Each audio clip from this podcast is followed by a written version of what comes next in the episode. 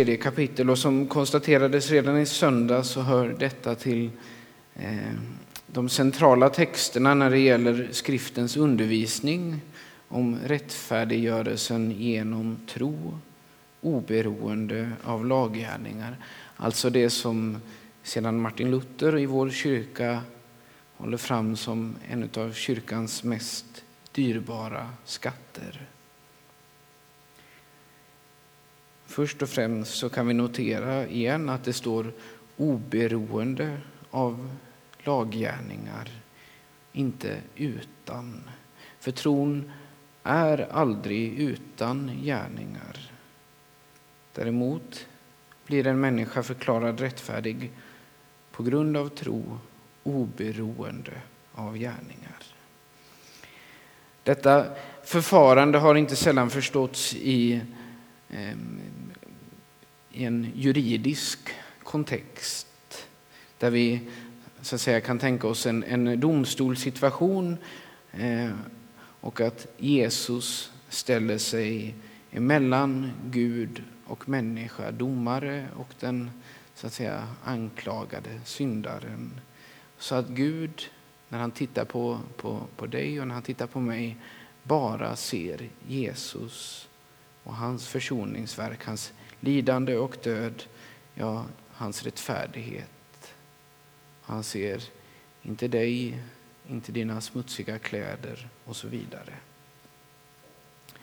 Så får den kristne, den som sätter sin tro på Jesus, del av hans rättfärdighet. Och det finns många förtjänster med den här bilden. Den främsta är kanske framför allt att den på ett tydligt sätt visar att vi inte kan vare sig lägga till eller dra ifrån något från det, som, från det Jesus har gjort. Samtidigt finns det en, en risk med den här bilden när den förstås från det, isolerad från det kristna livet i övrigt. Så när man tänker sig detta rättfärdig av tro utan gärningar, alltså en tro som inte har både och. Som att evangeliet skulle vara ett budskap och inte en person. För det vi kallar evangelium är framförallt en person. När vi läser Paulus undervisning idag som vi har gjort i Romarbrevet där han försöker bena upp och förklara konsekvenserna av Jesu lidande och död så är det inte ett sätt att säga att det här med Jesus, ja det var ganska viktigt. Nu får vi lyssna till hans budskap, det budskap han kom med. För Jesus kom inte med ett budskap. Han kom med sig själv.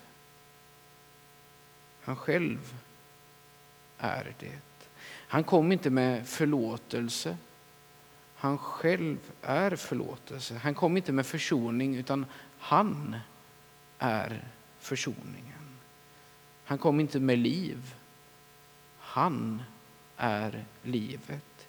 Tyngdpunkten ligger på honom.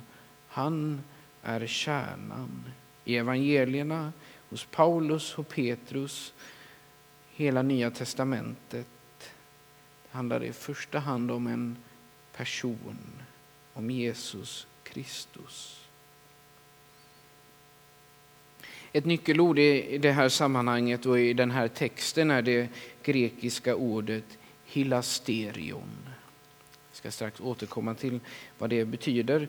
Först ska vi konstatera var i den här texten som vi har lyssnat på som, som Paulus använder det, nämligen i den 25 versen i det tredje kapitlet. En vers som, som Bibel 2000 och därmed evangelieboken översätter Gud har låtit hans blod bli ett försoningsoffer för den som tror.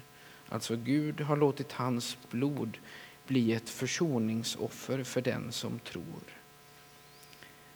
Det här är en abstraktion. Och därför skulle jag säga att folkbibelns översättning av den här versen är bättre, mer trogen vad Paulus skriver sammanhanget, vad han kan ha tänkt sig. Och också i, mer i linje med, med som kyrkan historiskt har förstått den här versen. Folkbibeln översätter honom, alltså Jesus, har Gud ställt fram som en nådastol genom tron på hans blod. Alltså det som Bibel 2000 har som försoningsoffer, som blir så att säga det centrala, har folkbibeln som nådastol, detta hilasterion. Paulus anspelar alltså på nådastolen som fanns i Jerusalems tempel, det vill säga det gyllene lock som fanns på förbundsarken längst in i det allra heligaste i templet dit bara översteprästen fick gå och även översteprästen fick bara gå dit en gång om året på den stora försoningsdagen med offerdjurets blod som skydd mot Guds vrede. Nådastolen var den plats där Guds vrede över folkets synder försonades med bockens blod. När det då översätts med försoningsoffer så sker en förskjutning från ett subjekt till ett objekt. Från nådastolen till blodet.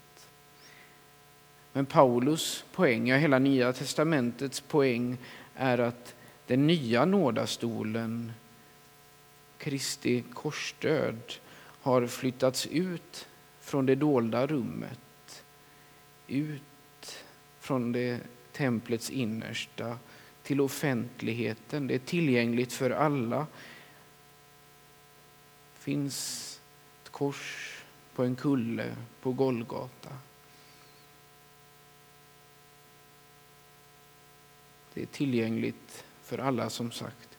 Det är därför eh, förlåten går i delar, för att det blir öppna gatan in så att säga.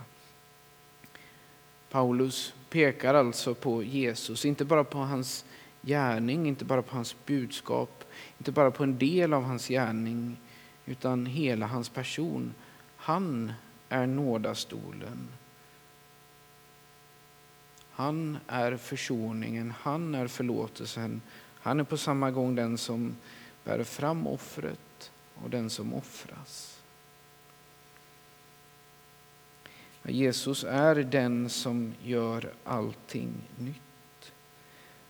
Så visar Gud sin rättfärdighet, att han gör den rättfärdig som tror på Jesus, den som kommer till honom, den som går fram till nådastolen, den som tar sin tillflykt till honom. Så låt oss därför inte bara tänka på det som en domstolsprocess. Även om den bilden har sina poänger att han träder in mellan dig och Gud, mellan mig och Gud. Så att Gud när han ser på oss bara ser sin son. Låt oss också se detta att han kallar oss att följa honom, att leva med honom, att bli mer lik honom. Ja, han vill som vi sjunger i en av våra julsalmer, just den här salmen sjunger vi inte så ofta för den har 13 verser eller någonting tror jag, så det blir ganska eh, tjatigt. Eh, men i psalm 125 Eh, i psalmboken. Ack, Herre Jesus, hör min röst. Gör dig ett tempel i mitt bröst.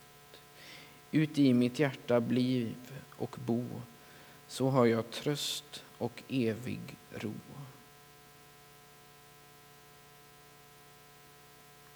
Då hålls också det som är eh, evangeliebokens, evangeliebokens tema bättre ihop. Tro och liv. Det hör ihop. Och både vad gäller tron men också livet när Kristus får ta sin boning i oss så blir han mittpunkten både tron och livet. Ja, Gud gör den rättfärdig som tror på Jesus. Låt oss därför träda fram till honom, fram till nådastolen, be och bekänna så att vi kan ta emot honom när han kommer till oss i sin heliga nattvard.